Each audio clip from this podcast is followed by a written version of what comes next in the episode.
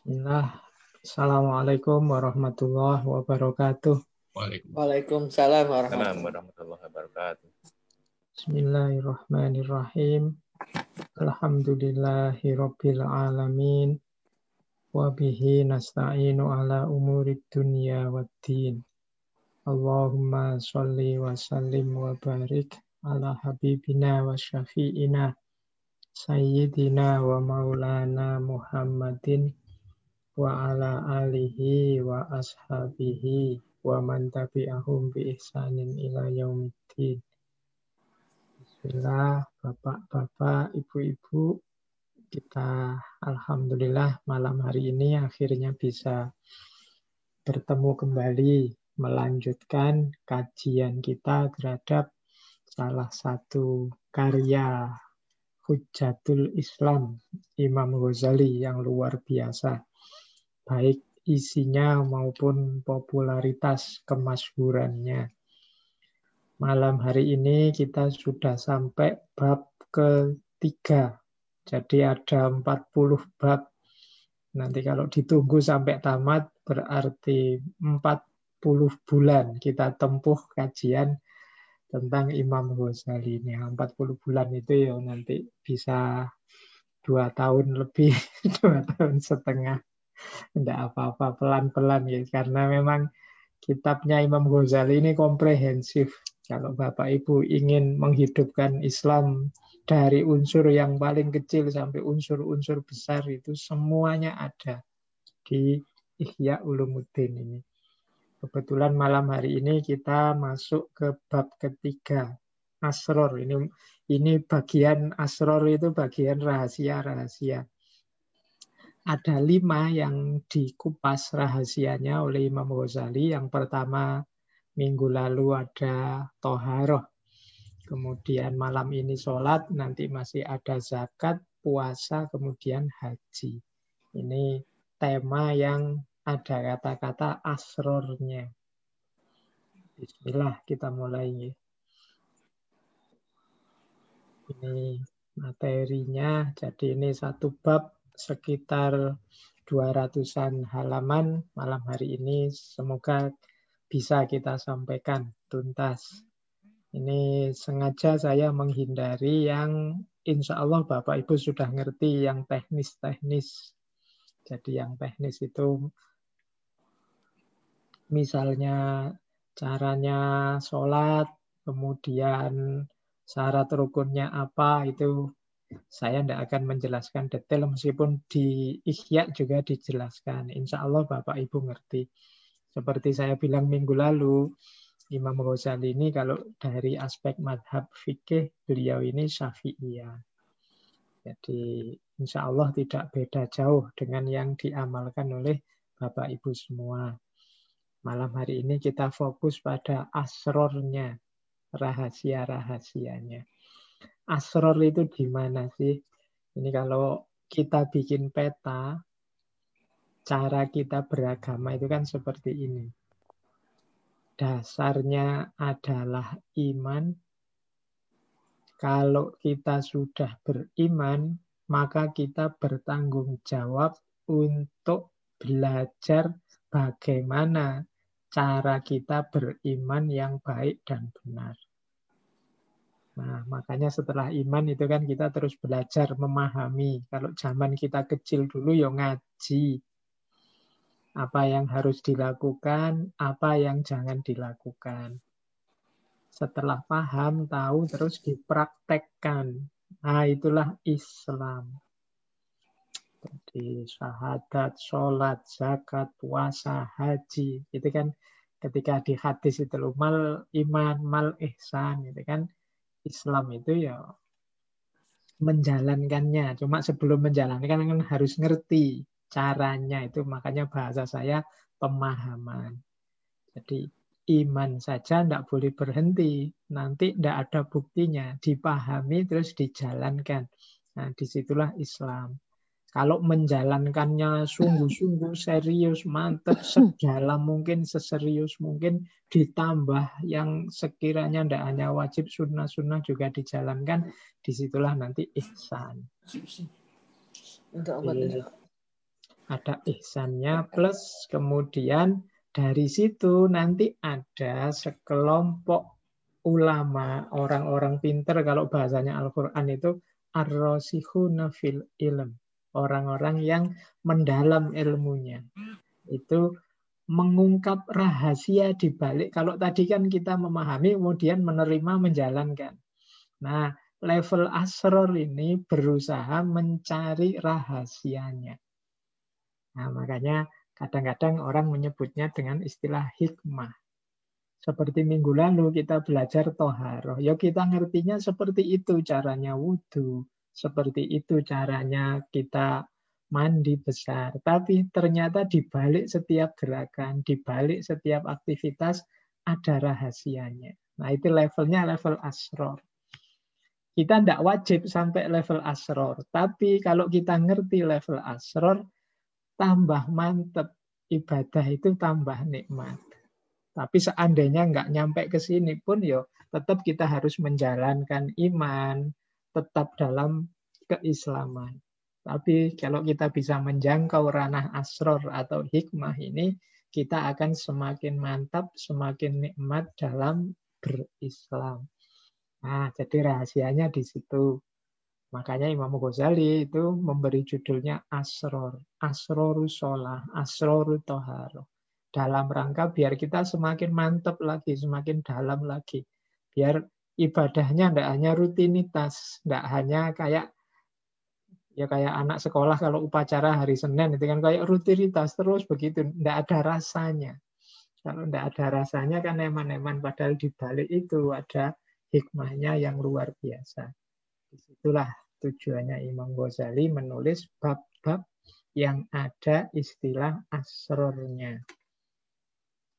Baik, bismillah. Ini saya tidak mendetail di semua bagian. Jadi tentang asror ini sebenarnya ada tujuh bab atau sebut saja tujuh subbab.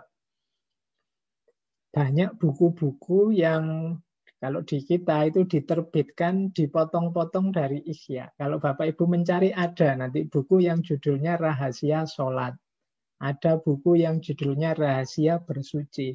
Nah, itu menukil saja, motong saja dari Ihya. Karena memang di setiap babnya itu kayak satu buku. Saya tadi bilang tentang sholat itu 200 halaman. Tentang sholat itu ya sudah jadi sak buku sendiri. Jadi makanya bisa Ihya itu kumpulan dari 40 buku, bisa dibilang begitu. Nah, yang tentang sholat ini yang Bapak Ibu kalau membaca Ikhya itu ada tujuh bab. Bagian pertama itu fadilah sholat. Bab kedua amalan zohirnya sholat. Pengutamaan amalan zohir dari sholat. Bab ketiga pengutamaan amalan batin dari sholat. Imam sholat dan cara mengikuti imam. Sholat Jumat dan adabnya macam-macam masalah nanti yang berhubungan dengan sholat dan yang terakhir amalan sunnah. Ya karena keterbatasan waktu kita, saya tidak menjelaskan semuanya. Beberapa sudah banyak dijelaskan. Bapak Ibu juga insya Allah sudah menjalaninya dan sudah tahu maksudnya.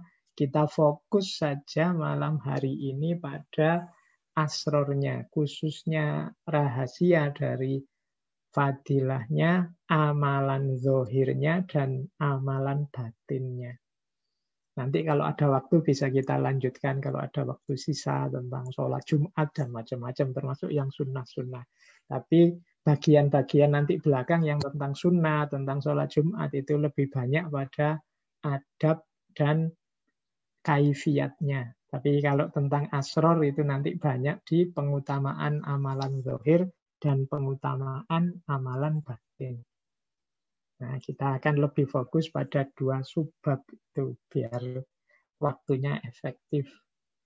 Baik, saya mulai. Saya awali dari fadilah. Fadilah, kalau di Imam Ghazali yang dibahas ada satu, dua, tiga, empat, lima, enam. Wah ini tambah panjang lagi ternyata setiap bab masih ada subbabnya lagi. Ini nek orang pinter itu memang wawasannya luar biasa. Fadilah itu yang dibahas fadilahnya sholat fardu, fadilahnya menyempurnakan rukun, fadilahnya jamaah, fadilahnya sujud, fadilahnya khusyuk, dan fadilahnya masjid dan tempat sholat. Ini di situ ada nanti beberapa fadilah coba kita bahas yang belum terbahas bisa Bapak Ibu baca langsung saya awali dari fadilah sholat. Ini yang sholat fardu. Di situ nanti panjang sekali Imam Ghazali menyebut macam-macam dalil. Dari Al-Quran, dari hadis, asarnya para sahabat. Itu kalau saya simpulkan, maksudnya semua asar dari ayat dan macam-macam itu, sholat itu secara umum fadilahnya adalah dia adalah tiangnya agama. Yang kedua, penanda muslim dan kafir. Yang ketiga, amal yang paling dicintai oleh Allah. Kemudian penghapus dosa dan kuncinya surga. Ini saya yang mengelompokkan sendiri. Tapi karena fadilahnya macam-macam. Kalau Bapak Ibu membaca itu luas sekali. Tapi bisa dikelompokkan ini. Tiangnya agama itu ya Islam ini masih tegak apa tidak, itu tergantung umatnya masih mau sholat apa enggak. As-sholatu imaduddin. Kita juga secara pribadi sebagai seorang muslim itu parameter paling mudah. Kita ini serius beragama atau tidak, mau sholat apa tidak. Nah, makanya kalau di desa-desa itu kadang-kadang kalau mau ngambil menantu apa-apa itu sering yang ditanyakan sembahyang enggak, sholat enggak. Karena memang parameter paling mudah untuk mengukur keseriusan seseorang beragama itu mau sholat. Jadi ya meskipun ada yang bilang kan nggak cuma sholat, bisa akhlaknya, bisa iya macam nanti juga ditelusuri ke situ. Tapi ukuran paling sederhana untuk melihat keseriusan seseorang dalam agamanya itu sholat. Kalau sholat saja tidak mau, apalagi yang lain-lain yang berat-berat, jaga puasa. Jadi logika sederhananya begitu. Jadi maka sholat disebut sebagai tiangnya agama, iman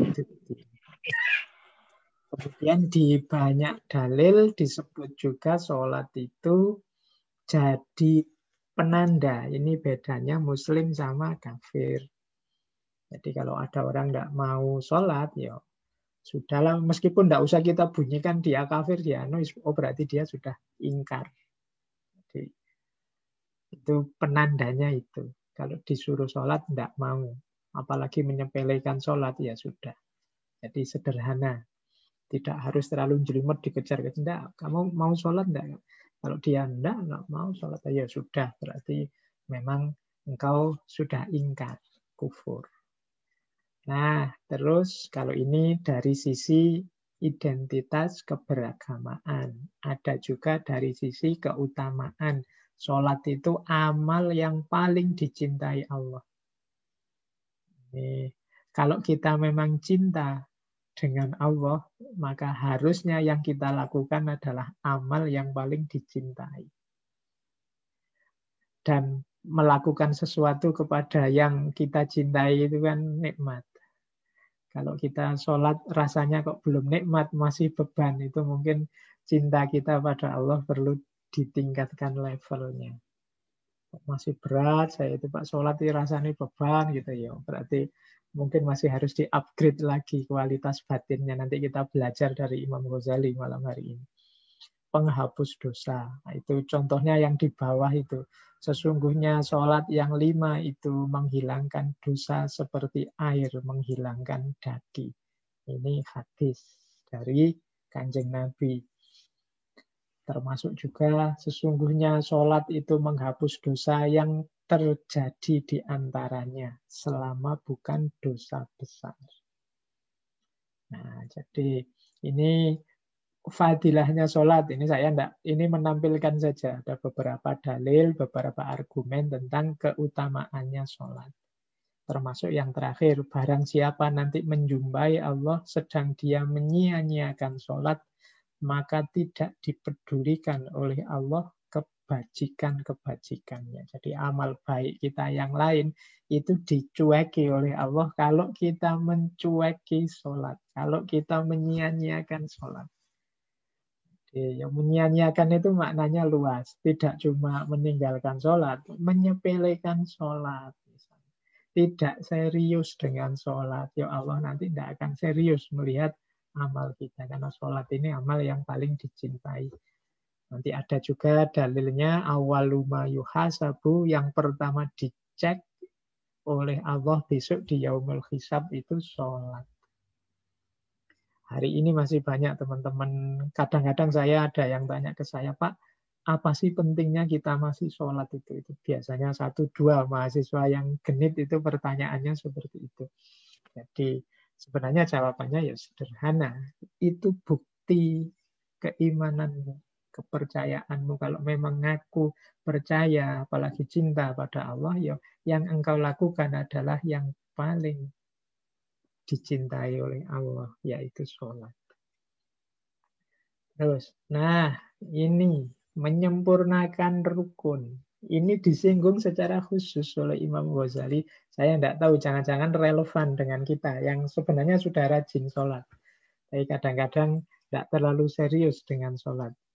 Saya kalau mendekati Ramadan ini tentang menyempurnakan rukun itu yang terbayang di saya itu sholat terawih. Selalu nanti sebentar lagi ada yang nge-share sholat terawih yang kayak orang balapan itu. Cowopetnya luar biasa saya tidak ngomong sah atau tidaknya ya, tapi menyempurnakan rukun itu bagian dari penghormatan kita pada sholat.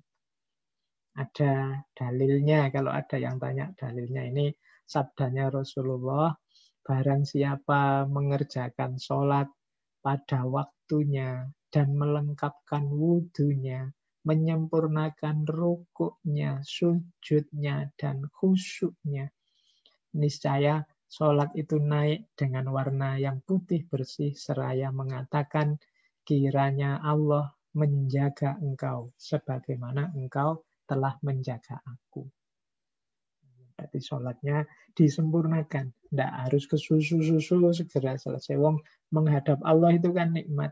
Bapak Ibu mungkin masih ingat ya banyak dalil yang menyatakan kenikmatan puncak besok di surga setelah segala kenikmatan kita rasakan adalah melihat Allah. Melihat Allah berarti berhadapan dengan Allah. Dan kita sebenarnya sudah ada momen berhadapan langsung dengan Allah waktu sholat. Tapi banyak di antara kita yang tidak kerasan saat sholat. Bukti ini ingin cepat selesai. Ah, itu menunjukkan mungkin batin kita belum terlalu cinta sama Allah. Selanjutnya kalau kita sholat tidak sesuai waktunya, tidak melengkapkan wudhunya, tidak menyempurnakan rukuk, sujud, dan khusyuknya, niscaya sholat itu naik dengan warna yang hitam, gelap. Seraya mengatakan, disia-siakanlah engkau oleh Allah sebagaimana engkau telah menyia-nyiakan aku. Sehingga ini lanjutannya sabda Rasulullah, kalau dikehendaki oleh Allah, apabila sholat itu dilipat sebagaimana dilipatnya kain yang buruk, kemudian dipukulkanlah kain itu ke mukanya. Jadi ini ilustrasinya dari kanjeng Nabi ini unik. Kalau sholat yang asal-asalan itu diibaratkan kain, begitu selesai sholat, kain yang jelek, yang robek-robek itu dilipat, terus ditamparkan ke muka kita.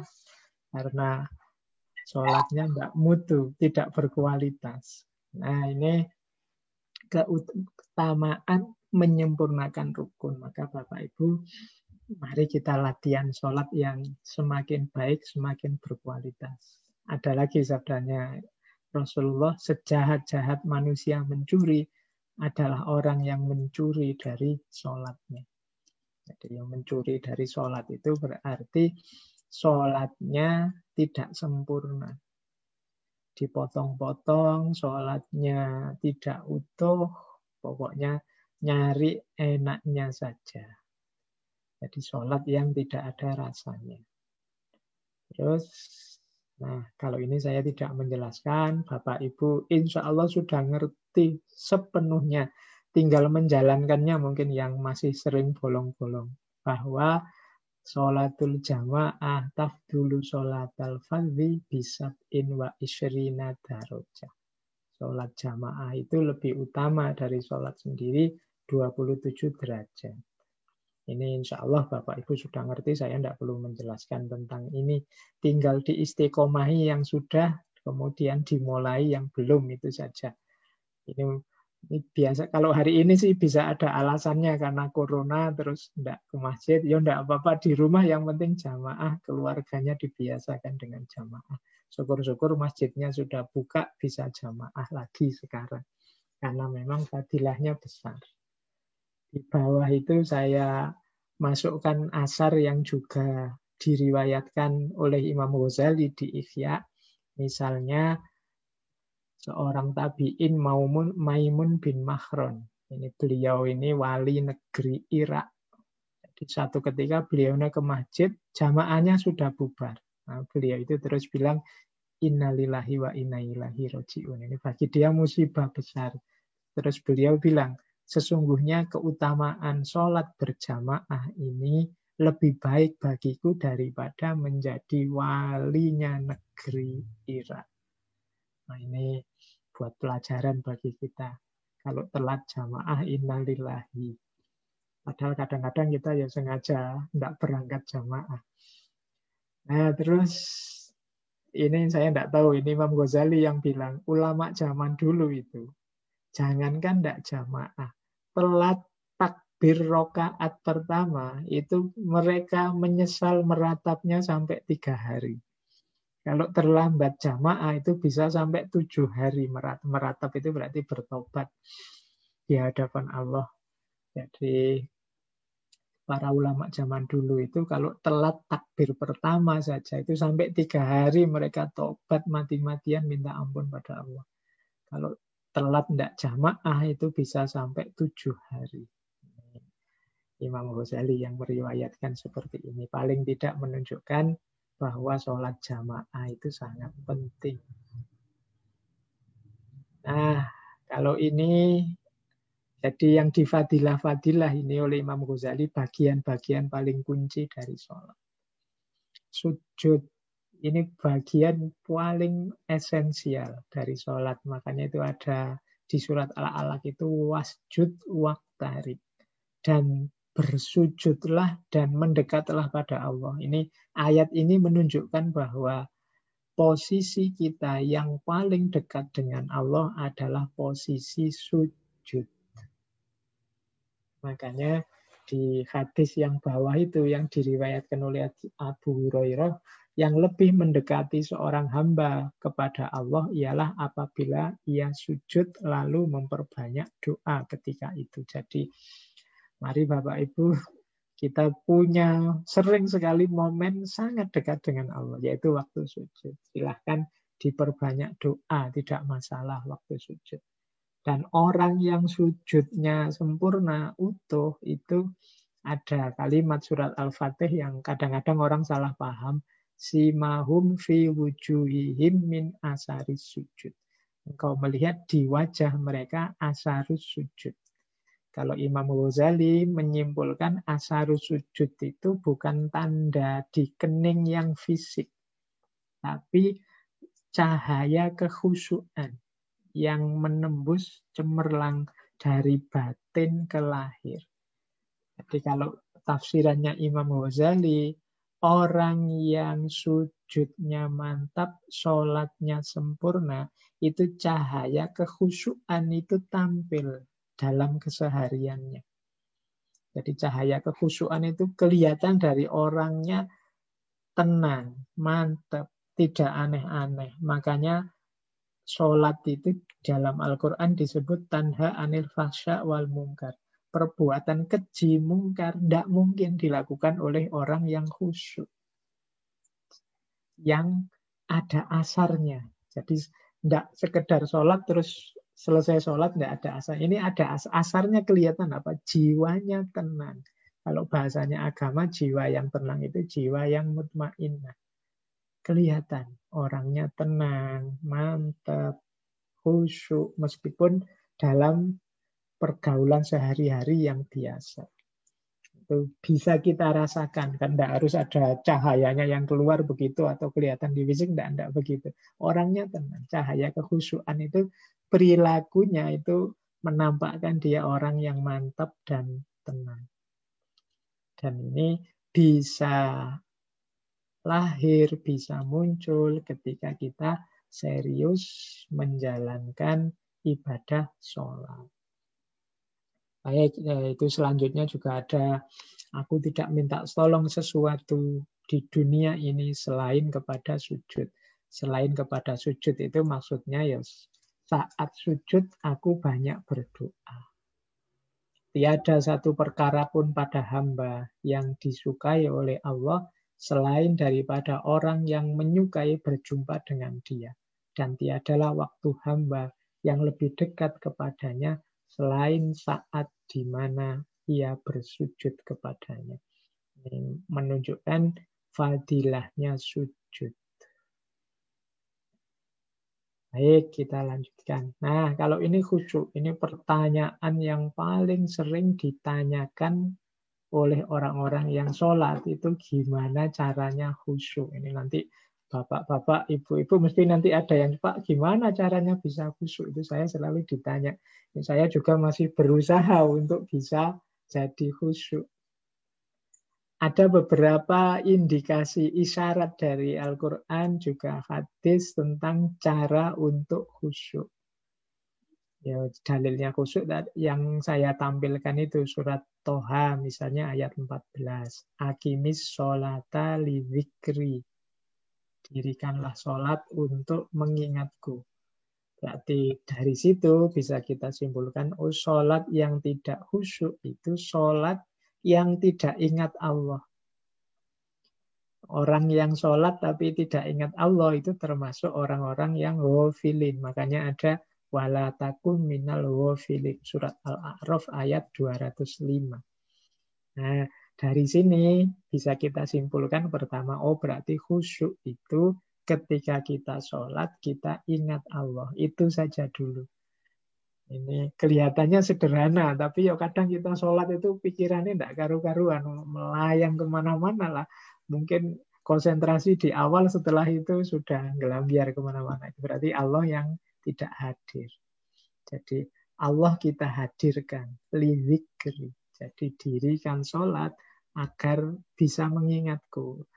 Paling tidak kalau dalam hidup kita saking sibuknya kita lupa terus dengan Allah, ya setidaknya waktu sholat ini kita ingat Allah. Kadang-kadang sholat itu saking rutinnya kita jalankan, sampai-sampai Allahnya kelewatan. Jadi kita sholat demi sholat itu Allah tidak mampir sama sekali. Kita tidak mengampirkan Allah, padahal itu kita sedang berhadapan-hadapan dengan Allah. Kalau di orang Jawa itu tidak mangga ke Allah untuk masuk, untuk hadir.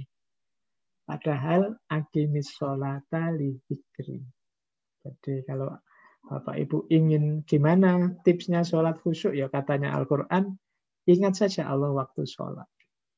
Nah ini ada tips lagi dari surat An-Nisa ayat 43. Kata ta'lamu matakulun. Ini juga isyarat sebenarnya ini ayat yang berhubungan dengan zaman Nabi ada sahabat-sahabat yang senang mabuk. Ada peristiwa sahabat yang sholat dalam keadaan mabuk. Terus diingatkan bahwa tidak boleh seperti itu. Kamu harus sholat dengan sadar hatta takulu tak lamu mata kulun. Sampai engkau tahu yang engkau katakan. Ini sebenarnya isyarat dari Al-Quran. Ayo kalau kita sholat, kita ngerti kita itu mengucapkan apa. Nah, mungkin mulai nanti ini Bapak Ibu monggo dibuka kitab tuntunan sholatnya sambil dicek. Ini kalau saya membaca kalimat ini artinya apa? Kata ta'lamu ma takulun. Jadi kalau baca tasbih itu maknanya subhanallah apa ya waktu ruku, waktu sujud yang tasbih tiga kali, tiga kali itu kan Robial A'la, Robial Azim, itu artinya apa sih? Nah, Biar apa? Lebih meresap, lebih masuk. Masa kita memuji Allah, bertasbih pada Allah, tapi Allah tidak hadir. Cara untuk menghadirkan Allah antara lain apa? Sadar arti yang kita katakan. Nah, ini juga bisa jadi tips, karena khusyuk itu penting. Nah, itu dikuatkan oleh hadis. Laisa lil abdi min sholatihi illa ma'akola minha. Jadi tidak ada bagi seorang hamba dari sholatnya kecuali yang akola minha. Akola minha itu yang dia sadar. Jadi sholat yang kita sadar. Bukan karena rutinitas, bukan karena kita terbiasa sehingga tidak perhatian kita ngomong apa, mengucapkan apa. Berarti tidak akola minha. Nah, terus ada lagi hadis yang menyatakan innamas sholatu tamak kunun watawa duun. Cara untuk khusyuk lagi ada tips tamakun watawadu. Jangan terlalu banyak gerak yang mantap, tawadu, rendahkan diri. Ini juga tips dari hadis. Jadi, ya kalau sholat fokuslah, jangan gerak yang macam-macam, tidak perlu, dan rendahkan diri, rendahkan hati. Sehingga sholat kita tidak sia-sia. Makanya ada yang terakhir itu hadis kamin ko imin hadzuhu min sholatihi atta abu wan nasobu. Berapa banyak orang sholat yang dia hanya dapat capek dan lelahnya saja dari sholat yang dia lakukan. Nah, ini sebenarnya panjang uraiannya Imam Ghazali tentang khusyuk di sini. Nanti di belakang masih ada lagi, tapi paling tidak dari bagian fadilah ini kita bisa belajar. Yang pertama untuk khusyuk, mari kita ingat Allah, menghadirkan Allah saat sholat. Biar tidak termasuk orang yang ghafilin. Kemudian yang kedua, kita tahu, kita sadar apa yang kita ucapkan dan apa yang kita lakukan dalam sholat. Yang ketiga, tawadu. Kalau bahasa fikihnya sholat itu kan isinya cuma dua. Batinnya khusyuk, lahirnya khudu. Khudu itu tawadu. Khudu itu jangan gerak macam-macam. Para ahli fikih itu bahkan sampai memberi rumus jangan gerak lebih dari tiga kali. Misalnya Imam Syafi'i itu sebenarnya dalam rangka apa sih tidak boleh gerak tiga kali itu? Dalam rangka khudu ini, biar kita tawadu, tidak aneh-aneh.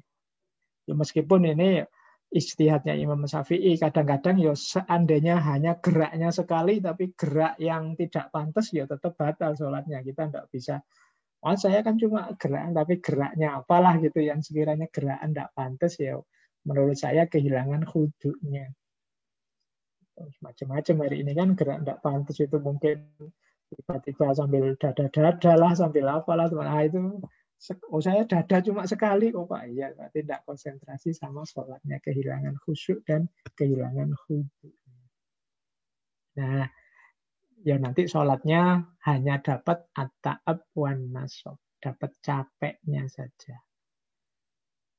Baik nah kita masuk ke bagian inti sekarang tentang aktivitas rohirnya sholat.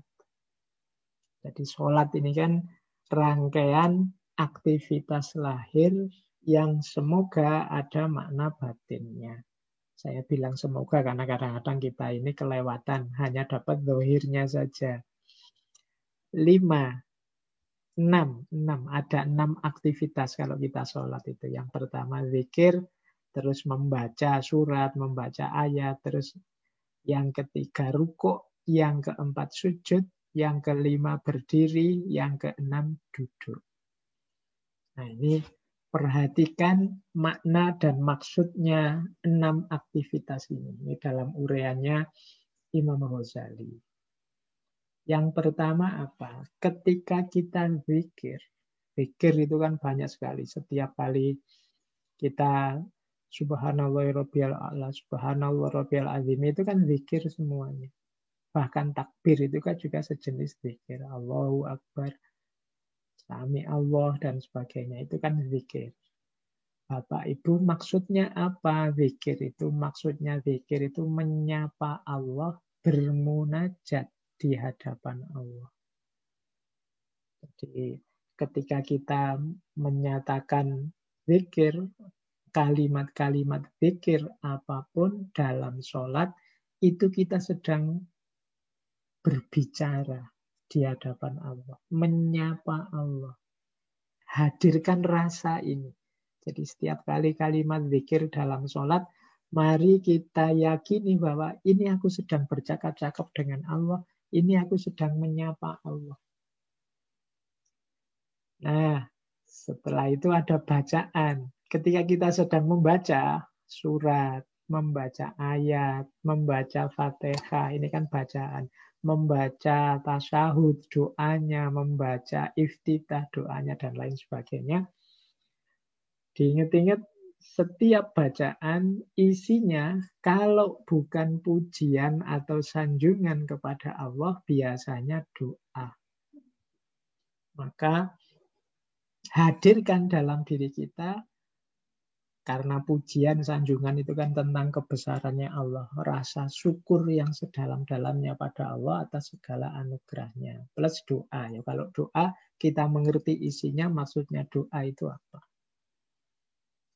Jadi kan misalnya duduk di antara dua sujud kita berdoa Robbi Firli. Nah itu kan kita memang nawa itu ingin minta ampun pada Allah. Sholat itu kalau Bapak Ibu, kalau kita ngerti artinya sampai detail, A sampai Z, itu segala macam doa, segala macam zikir itu lengkap di situ. Jadi munajat ada, zikir ada, ujian pada Allah, doa ada. Makanya tadi Imam Ghazali memberi tips, mbok yo sadar apa yang engkau ucapkan. Eman-eman, ini doa penting tapi batin kita seolah-olah bukan orang yang berdoa. Batin kita ini seolah-olah hanya rutin formalitas. Jadi kayak orang minta tapi kita tidak ngerti kita ini minta apa. Ingin diberi apa.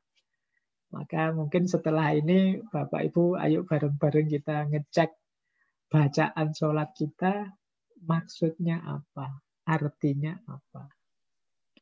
Nah, ini untuk yang bacaan.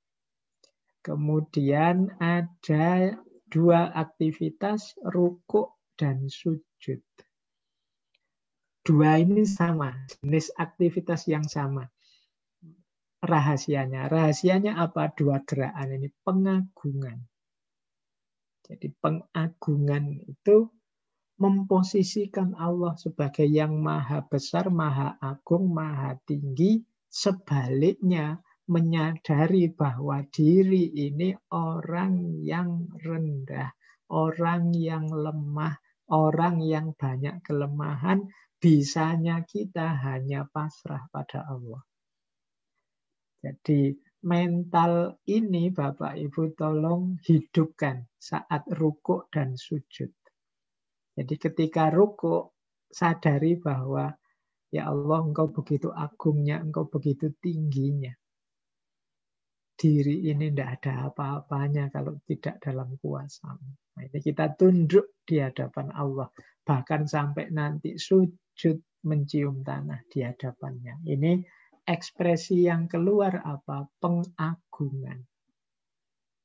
Di pengagungan itu kita posisikan Allah sebagai yang agung, yang besar, sekaligus kita sadarkan diri ini yang lemah.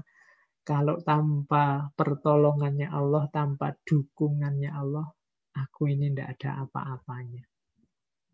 Jadi rasa ini Bapak Ibu monggo dihadirkan. Ya memang fisiknya gerakan rukuk dan sujud tapi batinnya adalah mengagungkan Allah. Nanti ada gerakan berdiri. Ketika kita sedang mantap berdiri di hadapannya, sadarilah, nah, di sinilah kuncinya, mari kita sadar bahwa kita sedang ada di hadapan Allah. Jadi ini yang saya sebut kehadiran hati kita di hadapan Allah.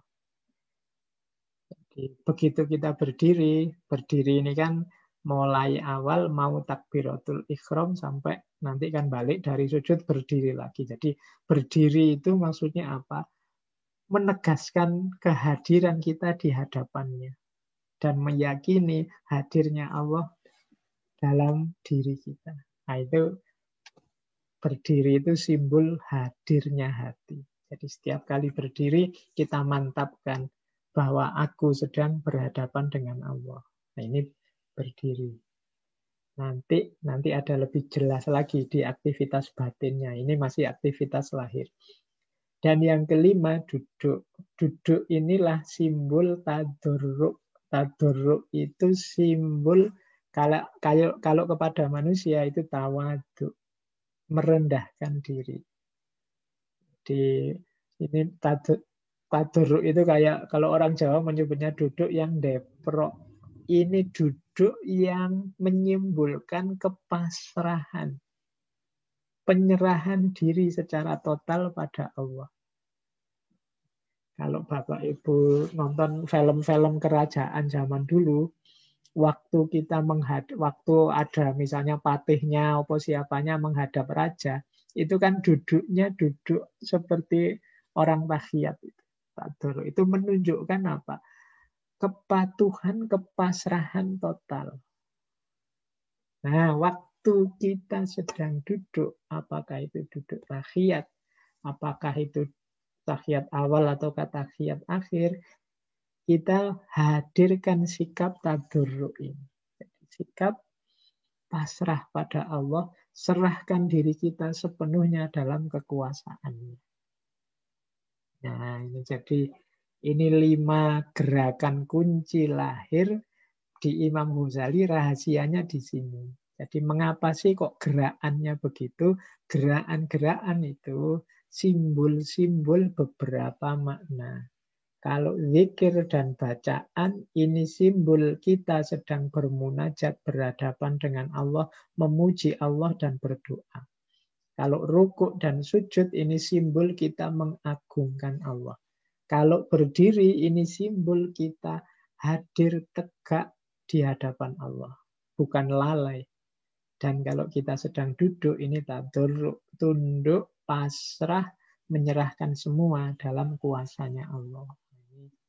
Sholat yang disertai kesadaran di balik aktivitas lahir dengan ini, insya Allah lebih mantap. Ini nanti yang sholat selesai sholat ada asarus sujud. Yang itu antara lain tanha anil fahsya wal mungkar. Mencegah diri kita dari perbuatan keji dan mungkar. Baik, kita lanjutkan lagi. Nah, ini enam hal. Kalau ini yang sisi batinnya. Kalau tadi kan lahir, ini batin. Nah, Begitu kita berdiri untuk sholat, semoga kualitas-kualitas ini sudah kita miliki. Batin kita, kalau tadi lahirnya apa? Yang pertama, kehadiran hati.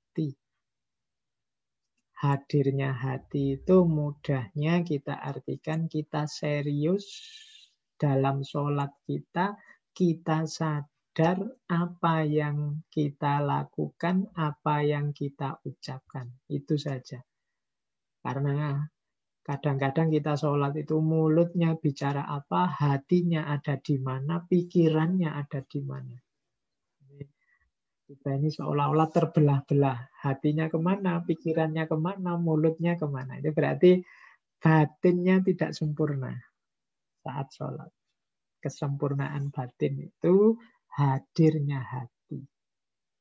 Jadi mari hati kita kita ajak. Mengapa sih kok hati saja yang diajak? Akalnya kok tidak diajak, Pak? Yang lain-lain kok tidak diajak? Tidak. Dalam diri kita ini rajanya itu hati. Yang lalai itu hati, yang fokus ke mana itu hati. Orang Jawa itu kadang menerjemahkan hati itu angen-angen. Jadi yang diangen-angen itu kan adanya di hati.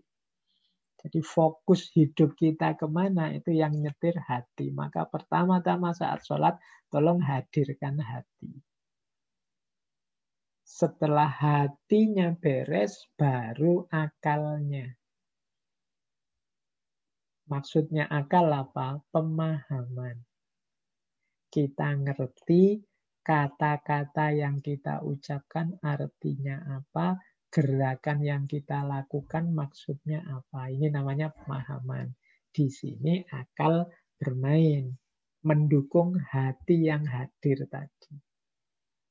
Kalau hati sudah hadir apa Pak? Nah, pahami yang kita lakukan dan yang kita ucapkan.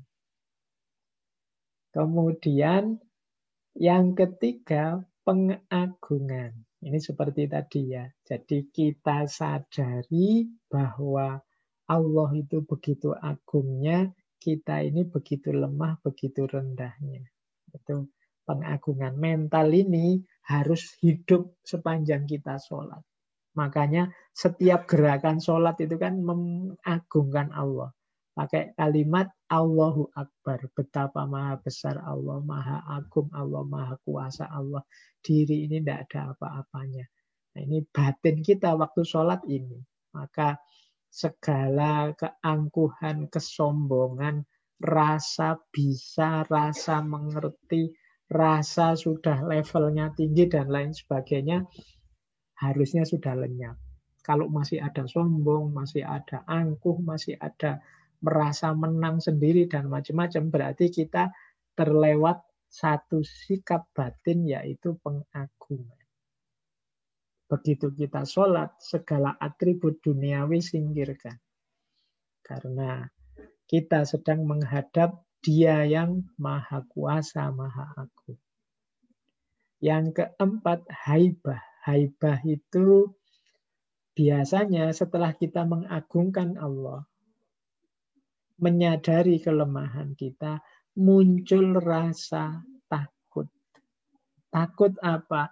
Ini kalau Allah murka padaku, kalau Allah tidak berkenan, tidak ridho padaku, selesai sudah. Aku tidak ada apa-apanya, wong aku ini lemah. Perasaan seperti ini namanya haibah. Haibah itu takut yang muncul setelah kita mengagungkan Allah. Ya Allah, betapa aku ini lemah, betapa aku ini rendah. Kalau engkau murka padaku, kalau engkau tidak ridho padaku, tidak berkenan dengan sholatku yang kualitasnya seperti ini, habis aku. Tidak ada apa-apanya, aku selesai. Aku ini namanya haibah. Tapi juga jangan dipol-polkan haibah karena nanti setelah haibah harus ada rojak. Rojak itu harapan. Tapi meskipun begitu ya Allah, aku yakin ridomu, sayangmu, kemurahanmu jauh melebihi kesalahanku, kelemahanku, kekuranganku. Jadi setelah haibah terus ada rojak harapan. Ini juga bisa kita hadirkan dalam sholat. Jadi pengagungan diikuti oleh rasa takut. Tapi rasa takut ini nanti bisa diminimalisir oleh harapan. Dan yang terakhir, haya atau malu. Ada rasa malu, ya Allah, engkau begitu penyayangnya, engkau begitu murahnya, sementara aku ini masih disetir oleh hawa nafsu, masih susah untuk khusyuk, batinku masih kotor. Nah ini nanti terakhir ada rasa malu.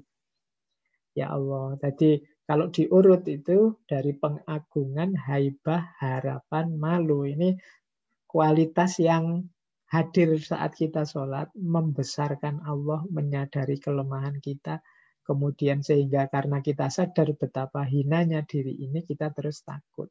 Tapi takutnya tidak harus pol-polan karena nanti insya Allah Allah akan mengampuni aku dengan kemurahannya.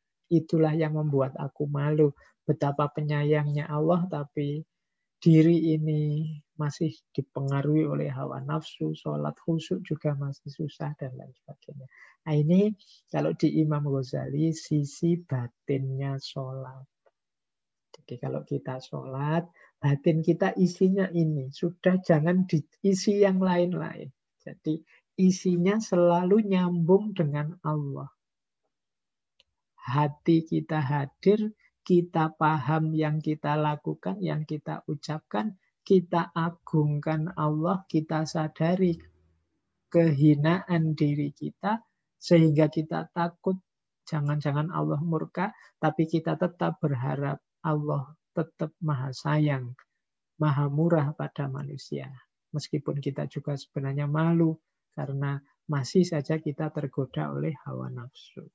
Inilah mentalnya orang sholat. Batinnya orang sholat. Sehingga sholatnya semakin mantap.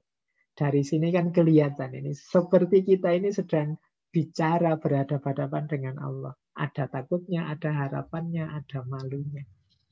Mungkin seperti bapak-bapak dianalogikan ya ketika menghadap atasan atau dosen menghadap eh mahasiswa menghadap dosennya apa rektornya itu kan perasaan ini muncul kalau tiba-tiba bapak bapak atau ibu-ibu dipanggil siapa atasannya atau dipanggil menteri apa dipanggil siapa itu nanti di hadapan beliau-beliau kan ada jenis rasa ini.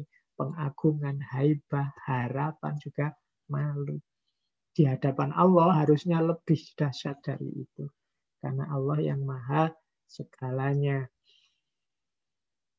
Ini masih masih agak panjang, kita tidak apa-apa ya Bapak Ibu. Saya agak cepat, semoga sebentar lagi selesai.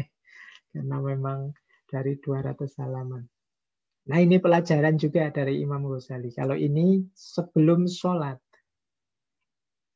Yang pertama, ini ini melatih kita untuk bisa masuk total ke dalam sholat. Kalau ada azan, kata Imam Ghazali, bayangkan azan itu adalah seruan hari kiamat. Yang kita begitu gembira menyambut hadirnya hari pembalasan itu karena kita yakin bahwa diri ini akan dirahmati Allah, diri ini akan mendapatkan ampunannya. Jadi begitu dengar azan, wah ini panggilan. Seperti panggilan hari kiamat, di mana Allah memanggilku untuk mengampuniku. Oh itu kan kita harusnya ngerti kayak gini kan cepet-cepet bergegas. Ya kayak seandainya bapak-bapak dipanggil, oke bapak-bapak yang sore ini mau datang ke rumahnya Pak Dukuh, nanti pajetnya dihapus semua. Oh, itu kan segera kita datang ke rumahnya Pak Duko karena pajaknya dihapus. Ini dosa kita. Bayangkan panggilan sholat itu dari Allah menjelang kiamat yang di situ Allah akan menawarkan pengampunannya pada kita. Harusnya kita cepat-cepat segera menjawab panggilan itu. Nah, ini tips dari Imam Ghazali. Jadi ini bayangkan Allah yang memanggil kita di mana Allah akan memberikan kemenangan, memberikan pengampunan pada kita di hari yang menjelang kiamat. Dan Bapak Ibu kan nggak usah tanya, semuanya sekarang sudah ngerti kalau zaman ini ini zaman yang menjelang kiamat. Maka sudah seharusnya setiap panggilan adzan itu melonjakkan hati kita kayak orang kaget astagfirullah adzan ini sedang dipanggil oleh Allah untuk diampuni Nah, itu azan. Terus kan kita wudhu bersuci. Kalau menurut Imam Ghazali, rangkaiannya orang wudhu yang pertama kita pastikan kita suci lingkungannya. Ini berarti tadi masjid, musola, tempat sholat kita. Setelah lingkungan pakaiannya, pastikan baju yang kita pakai sopan, menutup aurat. Setelah itu kulit kita. Ini kan wudhu, mandi, kalau kita memang masih belum melakukan toharo seperti minggu lalu. Setelah itu batin kita kita bersihkan dengan taubat, dengan menyesal. Jadi sebelum sholat pastikan kita sudah membersihkan empat hal. Lingkungan, pakaian, kulit kita, dan batin kita. Jadi semakin ke dalam, semakin ke dalam. Jadi kalau batin ya taubat, menyesal. Nah, maka Usahakan nanti sebelum memulai sholat kita beristighfar, kita nawa itu untuk tobat. Kalau tadi ada salah-salah, semoga tidak diulangi lagi. Nah, terus nutup aurat. Nutup aurat ini ya lahir, ya batin. Yang lahir ya pakai baju sesuai dengan aturan aurat. Yang batin ini kita aurati diri kita ini dengan rasa malu dan rasa takut. Malu pada Allah, takut pada Allah, itu akan jadi penutup aurat batin kita. Orang itu kalau masih punya malu, masih punya takut pada Allah, itu biasanya tidak berani melakukan dosa, tidak berani melakukan maksiat.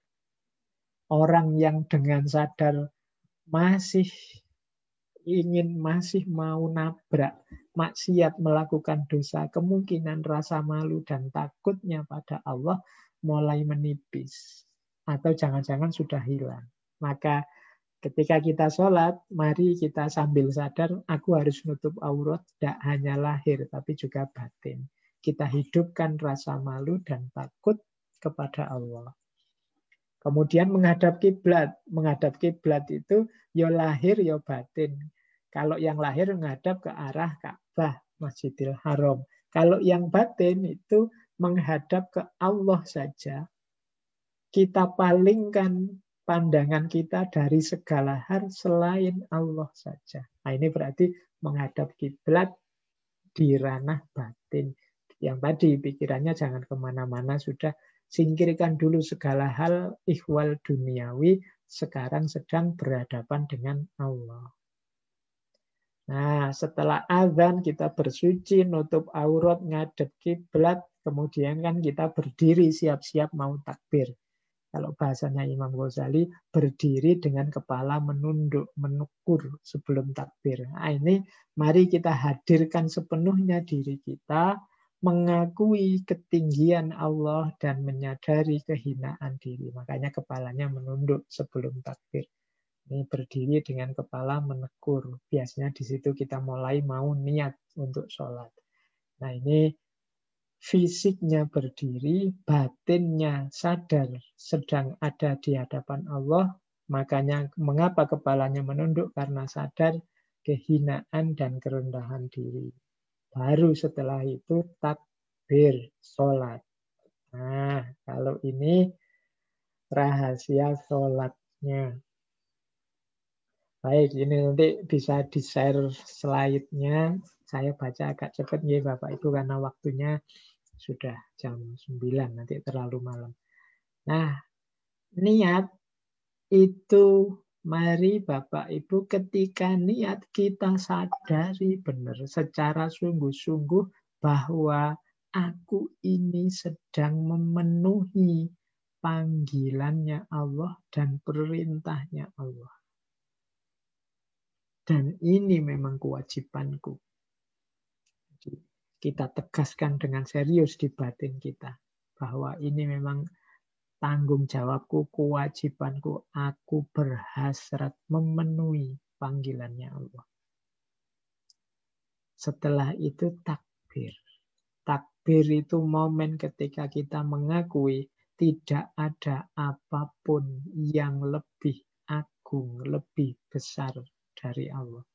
Jadi begitu Allahu Akbar, semua yang berhubungan dengan dunia semoga tersisihkan karena satu-satunya yang maha agung, maha besar hanya Allah saja. Jadi kuncinya nanti setelah niat kita takbir itu, saat itulah momen ketika hanya Allah saja. Tidak ada yang lebih agung selain Allah. Setelah itu membaca doa iftitah. Ini ada macam-macam doa iftitah, tapi kuncinya sebenarnya rahasianya dua. Yaitu mengorientasikan hidup kita. Jadi ini semacam deklarasi di depan Allah. Ya Allah, hidup matiku hanya milikmu. Ku persembahkan padamu. Aku beriman percaya kepadamu. Hanifah muslimah. Jadi Aku lurus, pasrah, tidak menyembah apa pun selain engkau. Jadi iftita ini semacam kalimat-kalimat pernyataan tentang bahwa ya Allah engkau adalah satu-satunya dalam hidupku dan hidup matiku arahnya adalah kepadamu. Jadi ini maksudnya doa iftitah itu itu. Jadi semoga kita bisa melahirkan kesadaran ini. Jadi ada kesadaran pasrah, tunduk, patuh pada Allah saja. Itu iftitah. Kemudian kita membaca fatihah, membaca surat. Kuncinya cuma satu. Lidah mengikuti hati, kata Imam Ghazali. Lidah mengikuti hati itu kalau mulut kita bilang iya karena butuh iya karena stain, yo ya hatinya memang satu-satunya yang disembah hanya Allah, yang diminta tolong hanya Allah. Kalau mulut kita bilang Alhamdulillahirobbil alamin, hatinya sepenuhnya juga memuji Allah. Ini kuncinya bacaan ada di sini. Jadi lidah mengikuti hati. Bacaan apa pun, surat apa pun, maka akan lebih indah kalau Bapak Ibu sholat membaca surat ayat yang Bapak Ibu ngerti maksudnya. Meskipun kalau tidak juga tidak apa-apa, tapi kalau ngerti maksudnya bisa lebih mantap, lebih mendalam. Kemudian berdiri. Berdiri ini kalau tadi makna fisiknya ini makna batin operasionalnya. Pokoknya istiqomah, tegak, hidup demi Allah saja. Kemudian rukuk juga begitu, menegaskan keagungan dan kebesarannya, diperbarui terus. Kalau iktidal itu memuji Allah, berharap akan rahmatnya. Hadirkan ini saat kita sami Allahu liman hamidah. Ini kan pujian pada Allah, kemudian semoga Allah memberi rahmat pada. Itu sebenarnya dari kalimatnya sudah menunjukkan ke sana. Nah, terus sujud Sujud itu meletakkan bagian tubuh yang paling mulia, yaitu muka, di tempat yang paling rendah, yaitu tanah. Berarti apa? Menyadari kehinaan. Kita ini semula diciptakan dari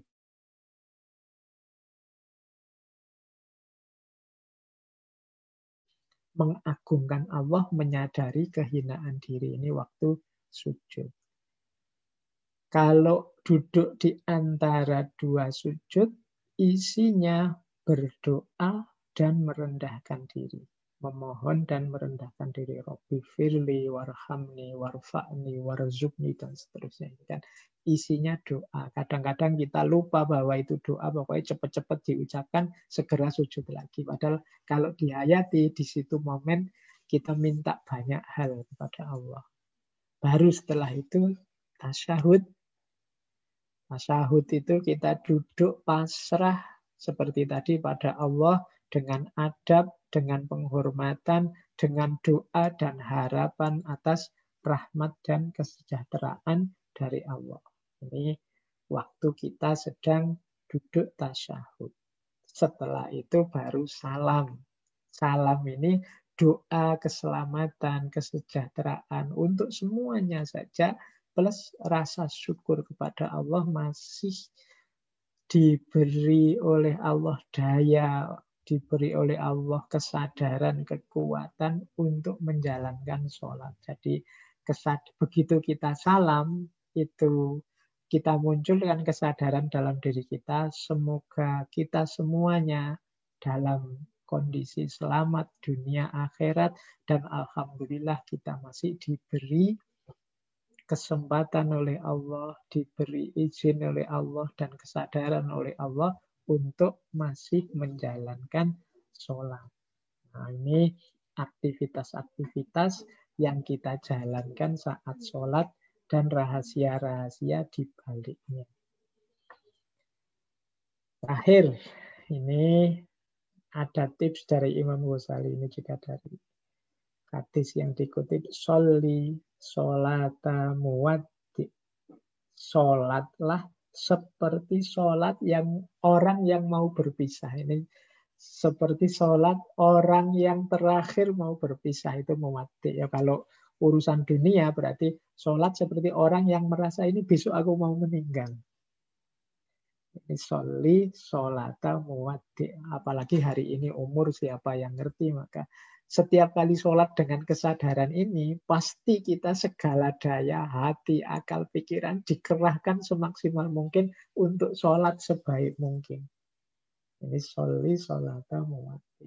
Selama ini mungkin kita santai-santai sholatnya rutinitas karena kesadarannya adalah ya nanti kalau kurang belajar lagi, kalau salah ya diperbaiki, kalau kesadaran ini sehingga kadang tidak terlalu serius. Tapi kalau kita sadar, wah ini waktuku sudah habis ini. ini oh itu biasa sholatnya serius, sepenuh hati, sepenuh daya. Maka tipsnya yang dikutip oleh Imam Ghazali, soli sholatamu wati. Sholatlah sholat orang yang sedang mau berpisah. Sedang mau meninggalkan dunia ini. Insya Allah kita sholatnya mesti sepenuh hati, sepenuh daya. Baik, Bapak Ibu sudah jam 9 lebih. Setelah ini masih ada tanya jawab. Sebenarnya materinya masih panjang, tapi kebanyakan nanti materi-materi teknis peribadatan sholat, tentang sholat Jumat, tentang imam, dan sholat sunnah, dan macam-macam.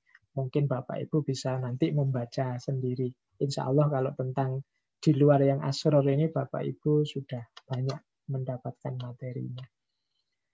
Saya kira itu yang saya sampaikan malam hari ini mungkin sedikit-sedikit ada yang ingin ditanyakan, monggo saya kembalikan ke Pak Yudi untuk memimpin diskusinya.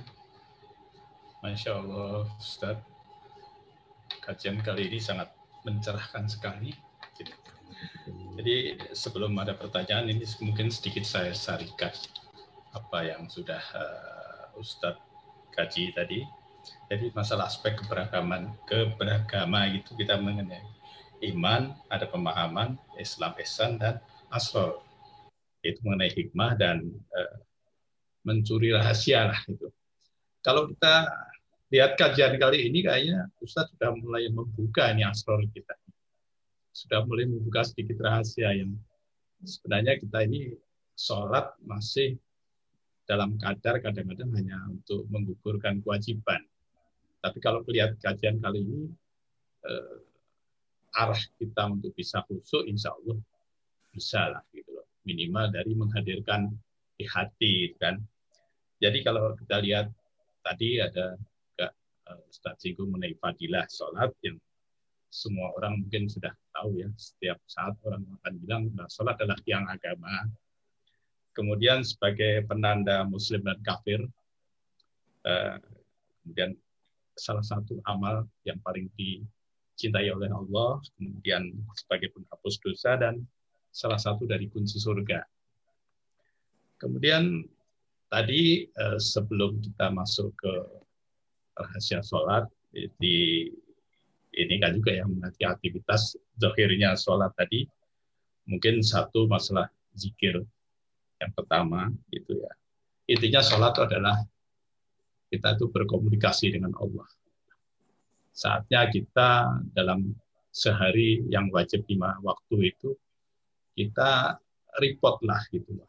Berkomunikasi itu satunya. Kemudian mengenai bacaan yang eh, tadi jabarkan adalah pujian dan doa kemudian adanya rukuk dan sujud. Itu dari eh, pengagungan ya. Kemudian berdiri mengenai kehadiran hati, kemudian duduk tadaru tawadulah. Intinya adalah penyerahan, penyerahan diri kita atau kepasrahan. Nah, kembali ke sisi rahasia sholat tadi yang ini ya utamanya adalah di sini ya eh, adanya satu kehadiran hati yang diperlukan. Kemudian eh, pemahaman saja kita harus bisa tahu artinya yang kita baca sholat itu. Kemudian masalah pengagungan di sini dan adanya timbul rasa takut, rasa takut eh, kemudian mengenai adanya harapan, rojak itu ya, dan rasa malu, rasa malu, rasa malu bahwa kita mungkin kurang khusyuk, rasa malu mungkin kita masih ada maksiat, rasa malu akan hawa nafsu kita. Itu kita hadirkan dalam uh, komunikasi kita dengan Allah dalam sholat tadi. Nah, uh, yang terakhir tadi adalah masalah yang uh, apa rincian dari sholat, niat sampai ke salam. Itu mungkin yang uh, bisa tadi kita sarikan dari kajian Ustadz kali ini. Tapi semoga dari ini kita melaksanakan sholat tidak hanya hanya menggugurkan satu kewajiban, tapi satu hadirkanlah dalam hati, hadirkanlah pemahaman, hadirkanlah kita untuk mengagungkan Allah.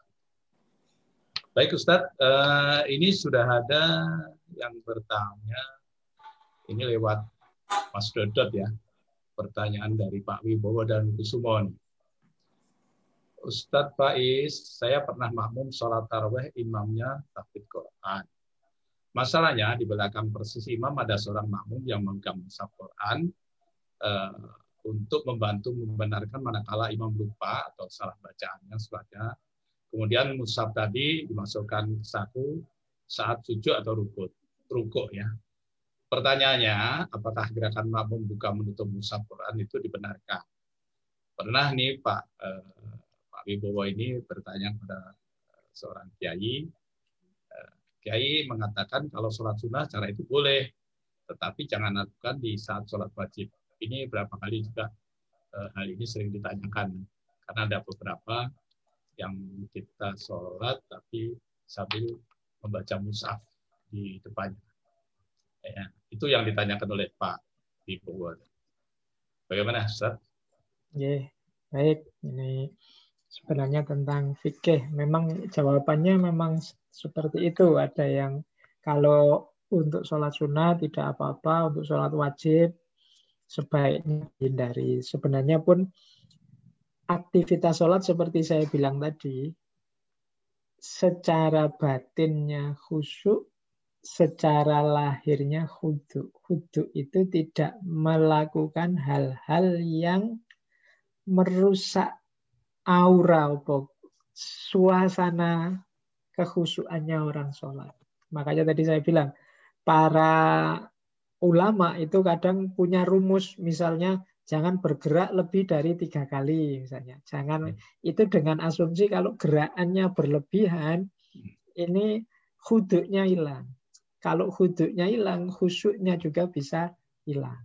Kalau da, tidak hanya sekedar dari sah tidaknya sholat. Ya saya tadi bilang, meskipun gerakannya hanya sekali, tapi kalau itu menunjukkan gerakan yang merusak suasana khusyuknya sholat, ya menurut saya sholatnya sudah tidak ada, tidak ada arti. Bukan berarti tidak sah, cuma kayak tadi hanya dapat capeknya saja. Misalnya satu gerakan saja isinya jempol ke bawah misalnya. Wah, ini terus itu kan cuma sekali, oh, saya sekali kok gini ya. Itu kan sekali tapi merusak suasana sholatnya. Nah, kalau memang dirasa buka itu tidak merusak suasana sholat, kehuduannya tidak rusak khusyuknya juga masih tidak terganggu, menurut saya ya memang tidak masalah, apalagi sholat sunnah. Ada hadis yang bahkan Rasulullah itu pernah waktu sholat itu, misalnya ada ular lewat, sholatnya dipending, ngambil kayu, ularnya dibunuh, kemudian sholatnya dilanjutkan lagi. Ada cerita begitu. Ada cerita misalnya satu ketika Rasulullah sholat, cucu-cucu beliau Hasan Husain naik ke atas punggung beliau kemudian main-main di situ Rasulullah nunggu terus bangkit lagi itu berarti kan yang penting gerakan sholatnya tidak rusak kemudian gerakan tambahannya tidak mengacaukan kehusuannya orang sholat. Misalnya ya benar sih boleh buka Quran tapi nanti bukanya dengan gerakan yang sekiranya terus orang teralihkan fokusnya, teralihkan perhatiannya dengan mungkin dibolak-balik yang seperti apa yang nah itu menurut saya sebaiknya dihindari. Meskipun dari aspek syarat rukunnya mungkin masih sah. Makanya tadi kalau dari sisi syarat rukun itu sebenarnya tidak berat sholat itu. Bahkan yang sholat terawih yang cowopet itu, yang kita selalu heboh tiap Ramadan itu yang kadang-kadang sekian puluh rokaat tidak sampai 15 menit misalnya. Itu mungkin dari rumus sah tidaknya sholat karena memang patokannya tumak ninah itu kan yang penting ada mandeknya mentah sepersekian detik kan tetap tidak masalah itu boleh. Ya mungkin sah dari sisi ininya. Tapi ketika kehilangan batinnya sholat tadi, makna setiap gerakan tadi, akhirnya jatuhnya hanya lelah dan capek saja. Seperti hadis yang dibacakan oleh Rasulullah tadi. Jadi menurut saya memang secara sah tidaknya sholat aktivitas tambahan dengan membuka Quran tadi menurut saya masih sah asal tidak berlebihan gerakannya. Karena nambah gerakan dalam sholat seperti yang di buku-buku fikih itu asal tidak merusak. Sehingga misalnya kalau di Imam Syafi'i tidak bergerak lebih tidak lebih tiga kali yang tidak ada gunanya masih masuk kategori sah. Cuma harus diperhatikan semoga gerakan tambahan ini tidak kontraproduktif kontraproduktif itu malah sholatnya ndak ingat Allah. Ini fokus ke situ lagi. Apalagi bacaannya sampai sakjus sakjus pikirannya sudah wah ini panjang ini. Ah itu bisa begitu. Jadi pikirannya sudah tidak fokus ke Allah lagi. Makanya sebenarnya nanti ada di bagian yang belakang itu tugasnya imam. Jadi di antara tugasnya imam ini men, bahasa saya mudahnya menjaga moodnya makmum menjaga moodnya makmum itu gimana caranya makmum juga terbantu sadar ingat Allah. Makanya jangan terlalu panjang nyari surat, terlalu pendek juga jangan. Terlalu pendek mungkin belum sempat konsentrasi sudah ganti gerakan. Nah, jadi rumus-rumusnya itu. Jadi kalau pertanyaannya dari sisi fikih memang jawabannya ya apalagi sholat sunnah tidak masalah melakukan itu. Kalau sholat wajib juga sebenarnya tidak masalah juga, asal dihati-hati gerakannya dengan gerakan yang tidak merusak ya kehusuannya batinnya orang sholat. Karena memang gerakan itu dibutuhkan. Karena kalau memang membaca suratnya salah kan juga masalah. Sementara yang di belakangnya tidak ada hafid-hafid lain yang mendukung. Nah ini sebenarnya imam juga harus bijaksana dalam hal ini untuk memahami situasi jamaah dan makmumnya. Kalau memang mengkhawatirkan dalam arti nanti kalau saya putus baca suratnya, wah, tidak ada yang meneruskan bisa gawat. Kalau memang makmumnya biasa-biasa kayak saya, sudah lah ayat-ayat biasa saja. Anas, Al-Ikhlas itu kita bisa. Kalau tapi kalau surat-surat panjang itu kita butuhnya yang belakang ini yang backupnya yang canggih. Ya memang dalam situasi tertentu akhirnya diatasi dengan yang belakang ada yang nengok Quran. Ya. Saya kira itu Pak Yudi. Ya, ya Ustaz. Ini ada satu lagi pertanyaan dari Ibu Rosa Bila. Nah, saya ingin bertanya, apakah kita pantas mengingatkan saudara kita yang menyepelekan sholat untuk melakukan sholat? Kira-kira bagaimana cara mengingatkannya? Atau kalau kita hanya cukup mengingatkan sekali, lalu kemudian biarkannya sampai beliau mendapatkan percaya sendiri. Yeah. Itu. Baik, yeah. saya jawab yeah, Bu ya. Rosa. Bu Rosa uh, bila tugas kita untuk mengingatkan saudara-saudara kita, teman dekat kita, atau siapa pun yang dalam jangkauan kita untuk melakukan ya antara lain sholat ya banyak kebaikan yang lain termasuk mungkin juga zakat, haji kalau sudah mampu dan lain sebagainya. Rumusnya orang mengingatkan itu dua watawasau bil haqqi watawasau bis.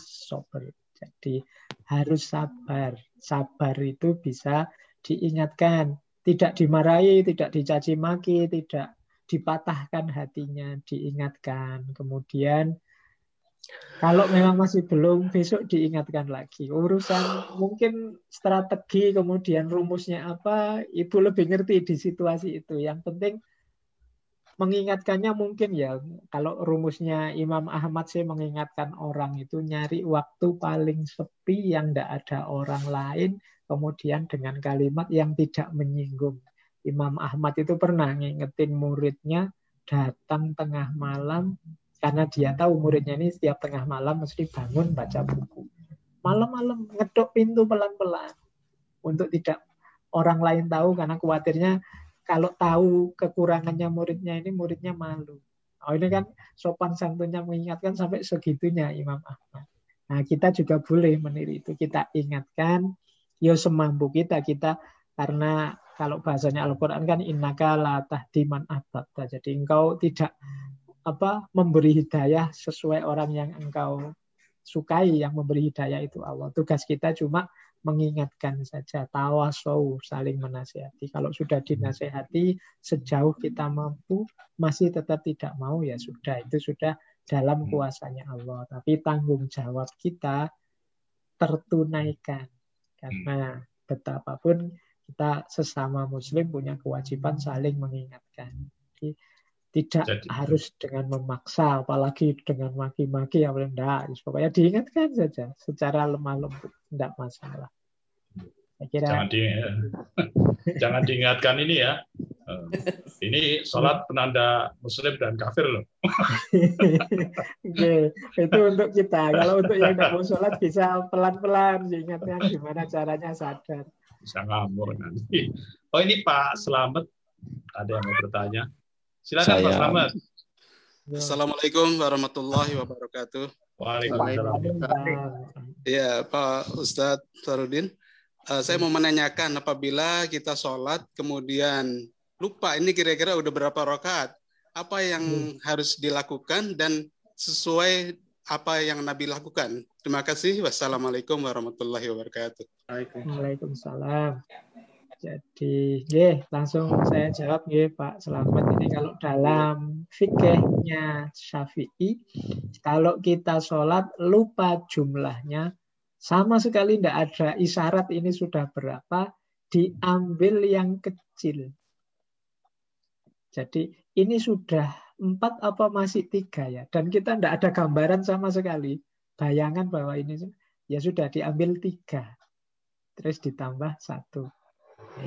Ini kalau sholat sendiri, kalau jadi imam Saya masih di... ya, diingatkan ya. oleh makmumnya. Tapi kalau sholat hmm. sendiri diiktikoti yang kecil. Tidak masalah. Jadi bukan diambil yang besar. Kadang kita kan ingin enaknya saja.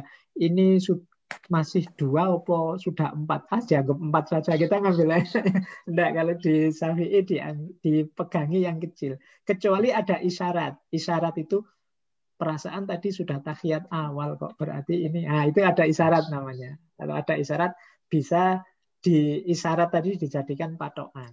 Karena kalau kaidah usul fikihnya al yakinu la yuzalu bisyak kalau sudah ada isyarat untuk yakin ragunya harus dikalahkan dimenangkan yakinnya tapi kalau tidak ada gambaran sama sekali diambil yang kecil jadi ini tiga apa empat ya berarti diambil tiga ini dua apa satu diambil satu berarti.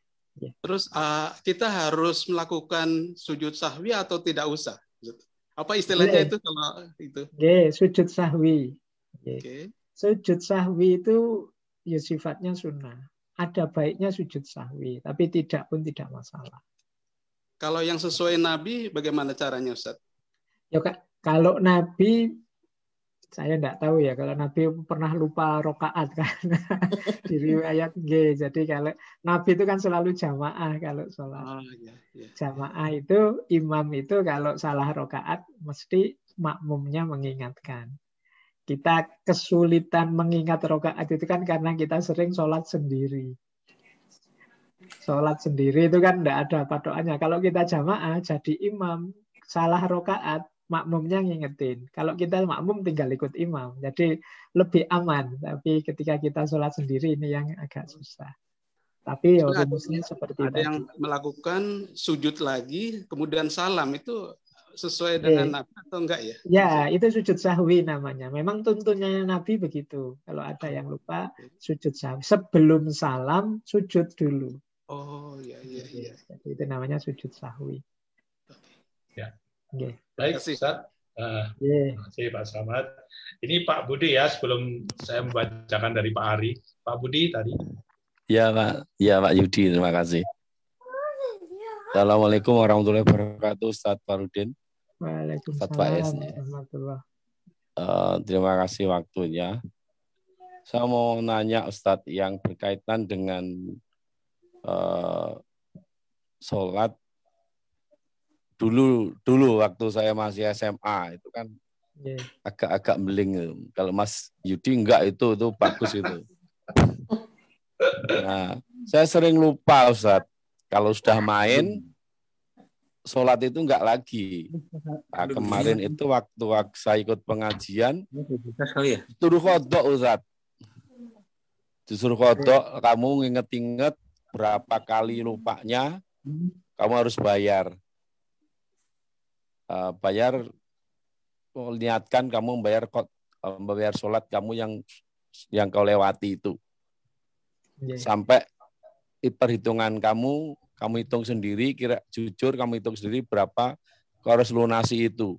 Misalnya, misalnya kalau SMA itu kan lama tadi mungkin hitungannya sampai ribuan ya. Itu bagaimana tadi itu? Tat? Terima kasih, matur iya. nuwun. Assalamualaikum warahmatullahi iya. wabarakatuh. Waalaikumsalam. Uh, gini Pak Budi, rumusnya sebenarnya sudah benar, tapi agama itu tidak memberatkan. Jadi kalau Pak Budi merasa sangat sering dulu ninggal sholat, selain bertobat, boleh setiap kali sholat terus ada waktu longgar lowong, Pak Budi bayar sholat yang dulu ditinggal. Jadi semacam sholat kodoknya. Jadi dan tidak harus sampai rigid dulu kira-kira berapa ratus kali ninggal ini sudah dapat 90 berapa saya nyawa tidak, tidak harus begitu. Kalau memang tidak terukur lagi wong ya zaman dulu kita tidak sempat ngukur.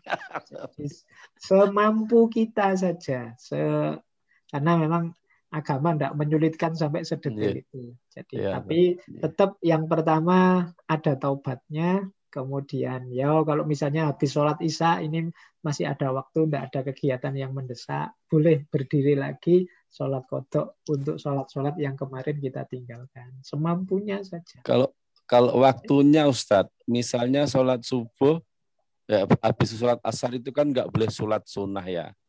Apakah boleh. bisa untuk membayar dan apakah boleh. waktunya It, harus asar kan, dengan asar? Ya, atau boleh asar, dengan asar yang lain? dengan asar subuh dengan subuh. Misalnya subuh masih di waktu subuh boleh berdiri lagi sholat subuh yang kodok.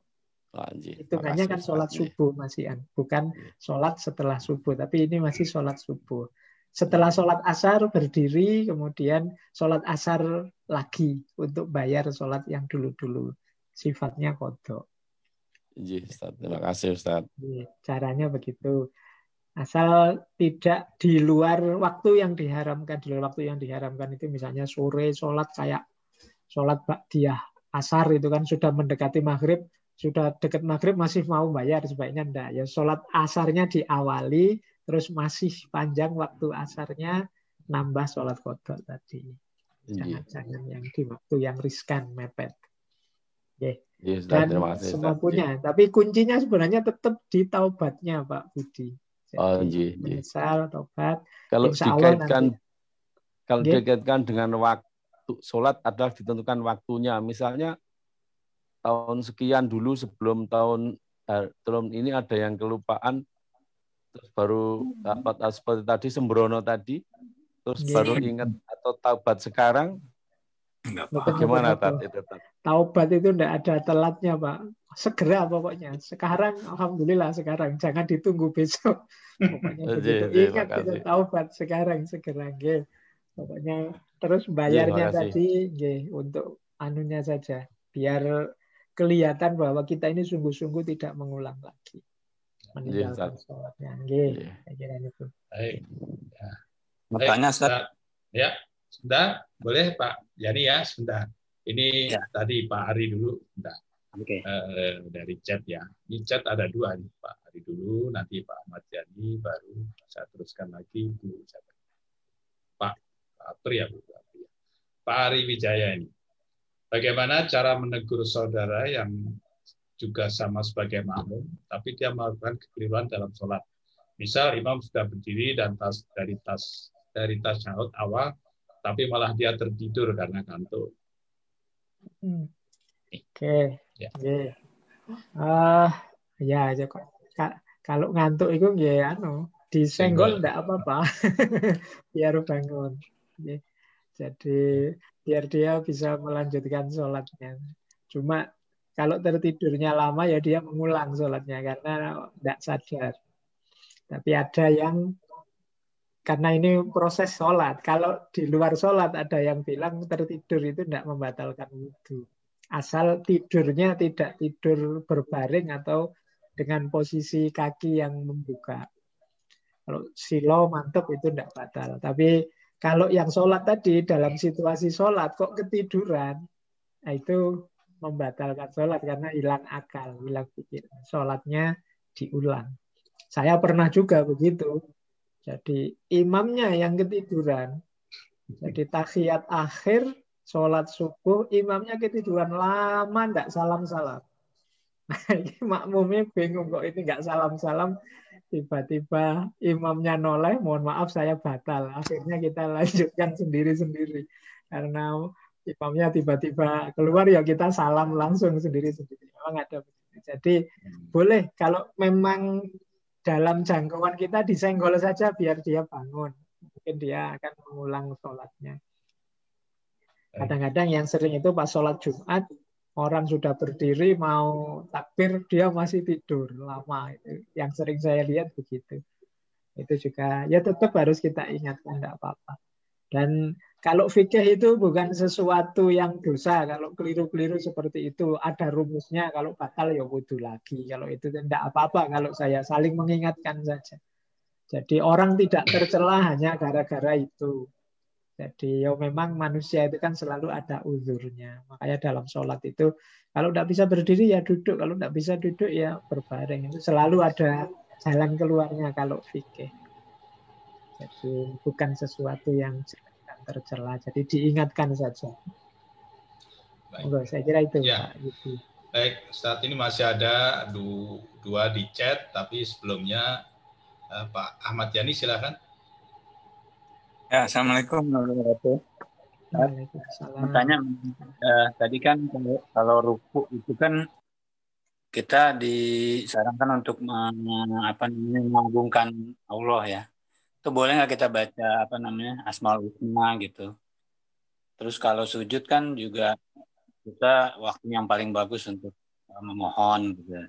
Kalau kita tambah-tambah doa itu uh, boleh nggak atau uh, bisa ke arah bid'ah nggak gitu yeah. terus yang kedua nih saya mengalami sujud tilawah kan sering imam tuh baca surat yang ada ayat sajadahnya tuh seperti al-alaq itu kan wasjud waktu gitu itu uh, kalau imamnya nggak sujud tilawah gimana Pak? Kita apa harus sujud tilawah atau gimana Pak? Sebetulnya uh, uh, urutannya gimana sih kalau kalau nah ayat sajadah itu harusnya imam sujud dulu terus balik lagi tidak atau gimana Ustaz?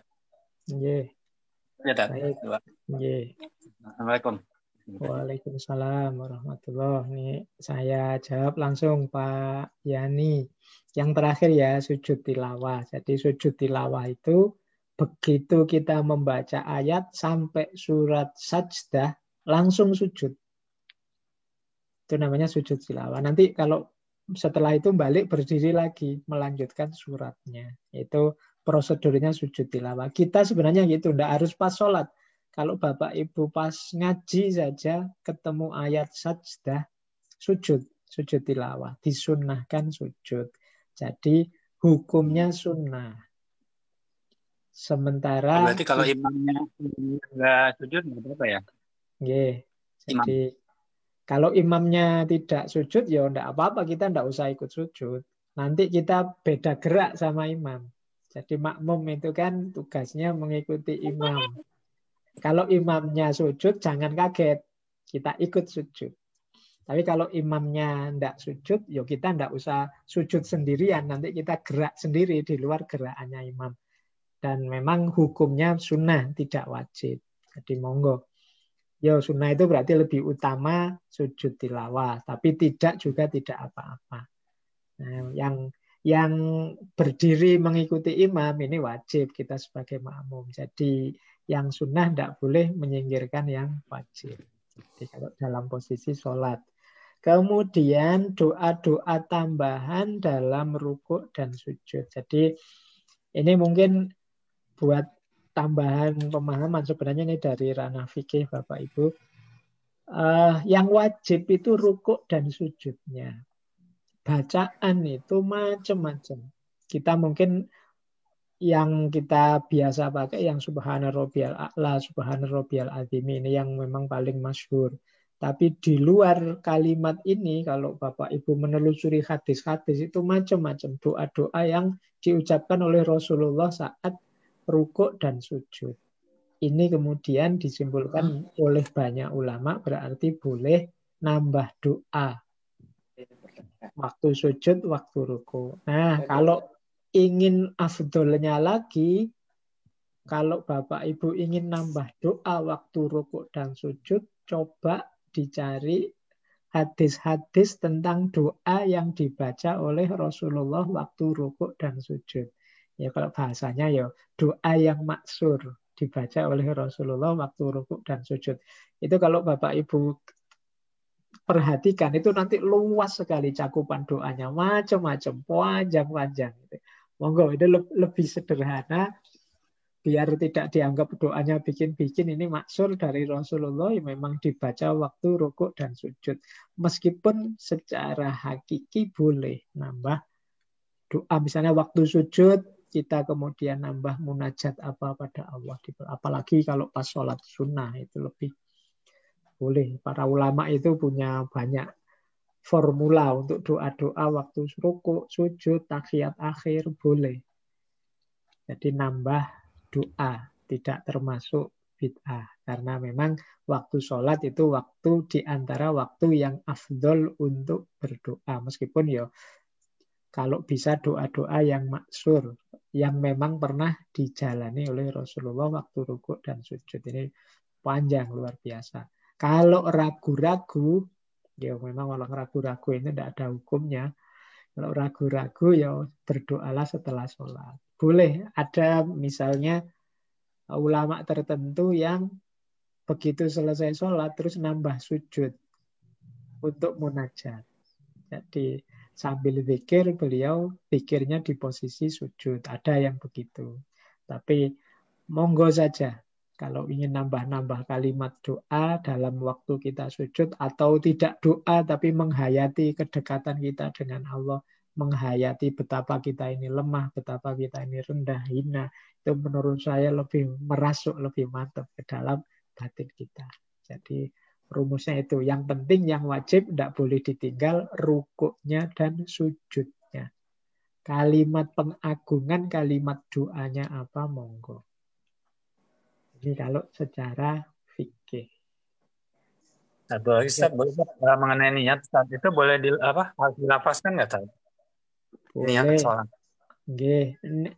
Sholat itu diawali dari takbir. Niat itu syaratnya. Jadi niat itu berarti sebelum sholat. Jadi berarti apa? Dilafatkan boleh, dibatin saja boleh. Jadi dua-duanya boleh. Yang tidak boleh improve itu begitu kita takbir, sudah tidak boleh improve lagi, sudah ada rumusnya. Tapi sebelum sholat misalnya saya baca doa ini dulu, saya baca surat ini dulu boleh. Tidak apa-apa. Wong itu di luar konteks sholat. Setelah itu baru saya baca niat. Nah, talafut itu, melafatkan itu kan menegaskan niat yang dalam batin. Jadi, kalau bisa sholat itu batinnya hadir. Tadi kan begitu rumusnya. Batin hadir itu sejak niat aku niat sholat ini batinnya bunyi. Dilafatkan boleh. Yang semoga tidak itu lah mulutnya usolli tapi batinnya ke mana-mana. Nah, ini dia kemungkinan nanti dapat capeknya saja. Tidak serius sholat itu ya batinnya hadir, fisiknya juga hadir. Jadi talafut itu membantu memantapkan niat. Tidak masalah. Yang tidak boleh tidak niat. Nah, itu baru sholatnya bermasalah. Nggak niat itu berarti bukan sholat, itu olahraga. Hanya gerak badan saja. hmm. Nabi sendiri pernah melafazkan Nabi pernah melafazkan niat. Ya, saya bilang tadi niat itu dalam batin. Kuncinya di batin. Mewajibkan niat. Nah, Nabi melafatkan apa enggak nanti riwayatnya beda-beda. Yang riwayat beda-beda ini yang susah ini yang harus jawab ahli fikih saya tidak apal rawi-rawinya. Jadi di madhabnya Imam Syafi'i, Imam Syafi'i yang hafal ratusan ribu hadis itu, beliau lebih memilih talafut untuk lebih memantapkan niat. Jadi ya kalau saya dibanding ke Imam Syafi'i tidak ada apa-apanya, tapi beliau memutuskan boleh talafut dalam rangka untuk memantapkan niat. Jadi itu kaulnya para ulama. Baik Ustadz, ini masih ada tiga yang lewat chat ini. Wah kayaknya memang apa eh, kajian sholat ini banyak diminati oleh iya, jamaah iya, ini. Iya. Ini dari Pak Apri ya, Pak Apri apa Pak Apri ini. Assalamualaikum, saya mau tanya untuk menghadirkan hati dalam sholat bagaimana? Dan apakah doa agar kita bisa ke arah keterangan hati dalam sholat? Menanyakan doanya apa ini? Itu yang ditanyakan oleh Menghadirkan hati. Nah, menghadirkan hati. Ya. Baik, jadi mudahnya menghadirkan hati itu pertama-tama kita sadar bahwa kita ini sedang sholat dan menghadap Allah rumus sederhananya menghadirkan hati itu sebenarnya ini. Banyak di antara kita yang fisiknya sholat, tapi hatinya ke mana-mana. Itu berarti hatinya tidak ikut hadir. Yang sholat hanya fisiknya saja, batinnya tidak ikut sholat. Jadi ini berarti apa? Cara menghadirkan hati itu sederhana. Sadarilah bahwa kita sedang sholat, sedang menghadap Allah ini. Tidak boleh sembarangan. Itu menghadirkan hati. Jadi, kalau bahasanya hadis itu antak budawaha ka kata rohu. Kalau ini juga susah, fa innahu yaroka. Kita yakini kita sedang dilihat Allah. Itu otomatis hatinya hadir. Wah, dilihat Allah nih, nggak berani sembarangan saya. Allah yang ngawasi ya. Kesadaran ini juga boleh untuk memancing hadirnya hati. Nah, kemudian apakah adakah doa agar bisa kita ke arah ketenangan hati dalam sholat? Sebenarnya ada beberapa tuntunan dari para ulama itu doa-doa sebelum sholat untuk menggiring hadirnya hati tadi biar tenang. Macam-macam nanti silakan Bapak Ibu cari di buku-buku atau di kitab-kitab para ulama tertentu itu ada doa sebelum sholat. Yang saya hafal di antaranya memang Ya Allah tolonglah aku agar hatiku hadir. Wa audzubika bi ayah turun. Jadi semoga hatiku ikut hadir dalam sholat ini. Kalau Bapak Ibu susah menghafalkan yang panjang-panjang doa itu boleh sebelum sholat berdoa saja pakai bahasa Indonesia. Wong belum sholat, tidak apa-apa ya Allah. Aku mau sholat, aku mau menghadap padamu. Tolong beri aku kemantapan hati, ketenangan hati dalam sholatku ini. Bismillah, sholat, nawa itu, dan seterusnya. Allahu Akbar. Insya Allah nanti Allah membantu. Jadi doa sebelum sholat, apa saja boleh. Monggo. Yang ada pakemnya itu kan setelah masuk sholat, kita tidak bisa sembarangan lagi. Ya. Baik, saya kira Baik. itu. Ya. ya. ya, Pak Apri, itu tadi jawaban dari Ustaz. Uh, sekarang dengan Pak ya. Suhada ini. Pak Suhada. Asa Assalamualaikum warahmatullahi wabarakatuh. Mohon pencerahannya Pak Ustadz, saya pernah sholat isya ketinggalan dengan alasan ketiduran. Sebenarnya saat masuk sholat isya, saya ada waktu untuk mengerjakan. Tapi saking ngantuknya saya tidur dan pasang alarm jam 1 bangun. Tapi terlewat sampai adzan subuh. Bagaimana cara mengerjakan sholat isya saya dengan waktunya sudah masuk sholat itu. Terima kasih kata Wassalamualaikum. Baik, terima kasih.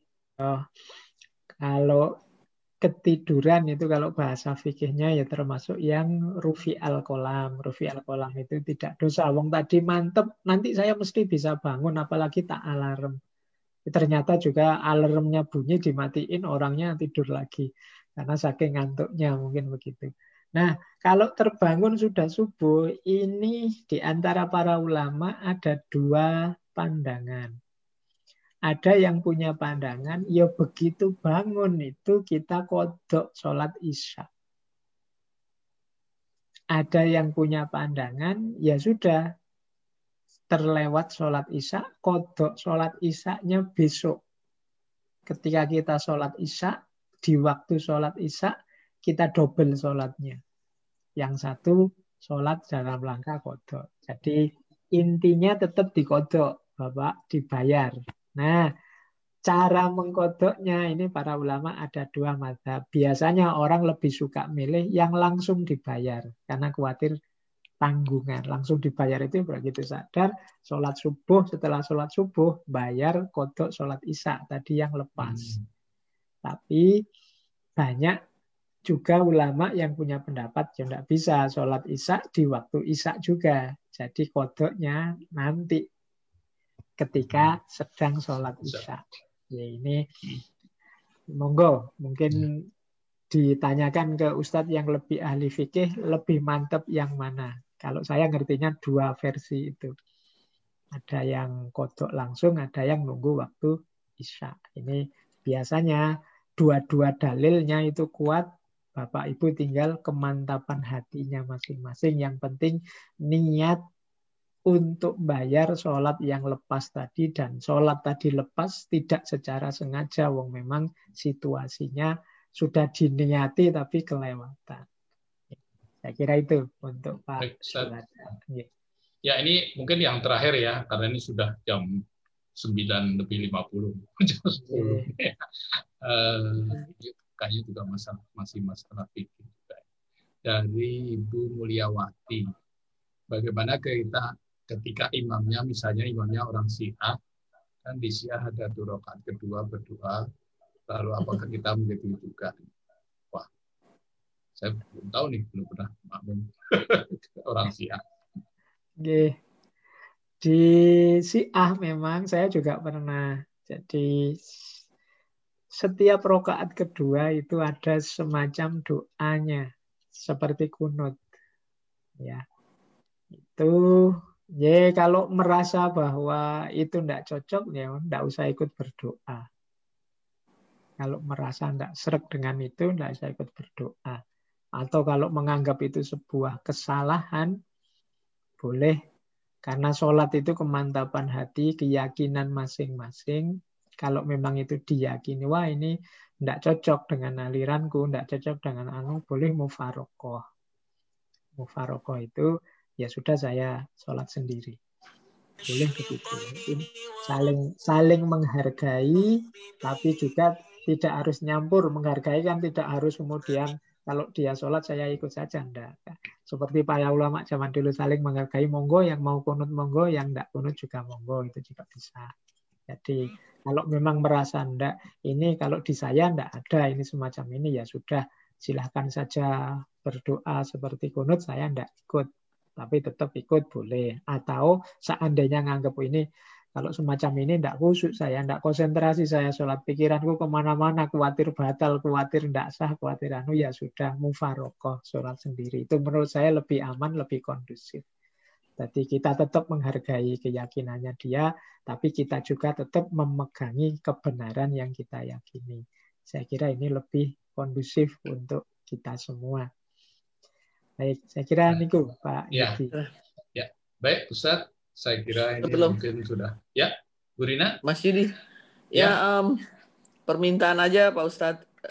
Um, mungkin nggak minggu depan kita membahas puasa karena kita sudah menjelang puasa. Ya, boleh insya Allah. Eh, minggu depan. Bulan ya. depan. Mi, mi, minggu depan. karena kalau uh, kita kalau bisa kita ada dua minggu ya sebelum puasa tanggal 13. Ya. Bisa ah. awal bulan mungkin Bu Rina. Iya atau awal bulan gitu. Ya, yeah. coba nanti saya lihat jadwal saya, guys. Semoga bisa awal bulan. Oke, okay. yeah. terima kasih Ustaz. Jadi terima supaya Ustaz. puasanya yeah, lebih yeah. ini afdol. iya Ustaz. Setelah yeah. ini memang rahasia sebenarnya puasa. zakat, tapi boleh kita dulu kan. Puasa dulu ya. Kita lompat dulu. Iya. Ya, terima kasih. Ya Ustaz ini kan eh, kalau kita buka semua ini mungkin jamaah bertanya semua nih menunjukkan bahwa sangat concern sekali dengan masalah sholat ini. Ya, Sampai kita tidak terasa sudah mau jam 10 nih.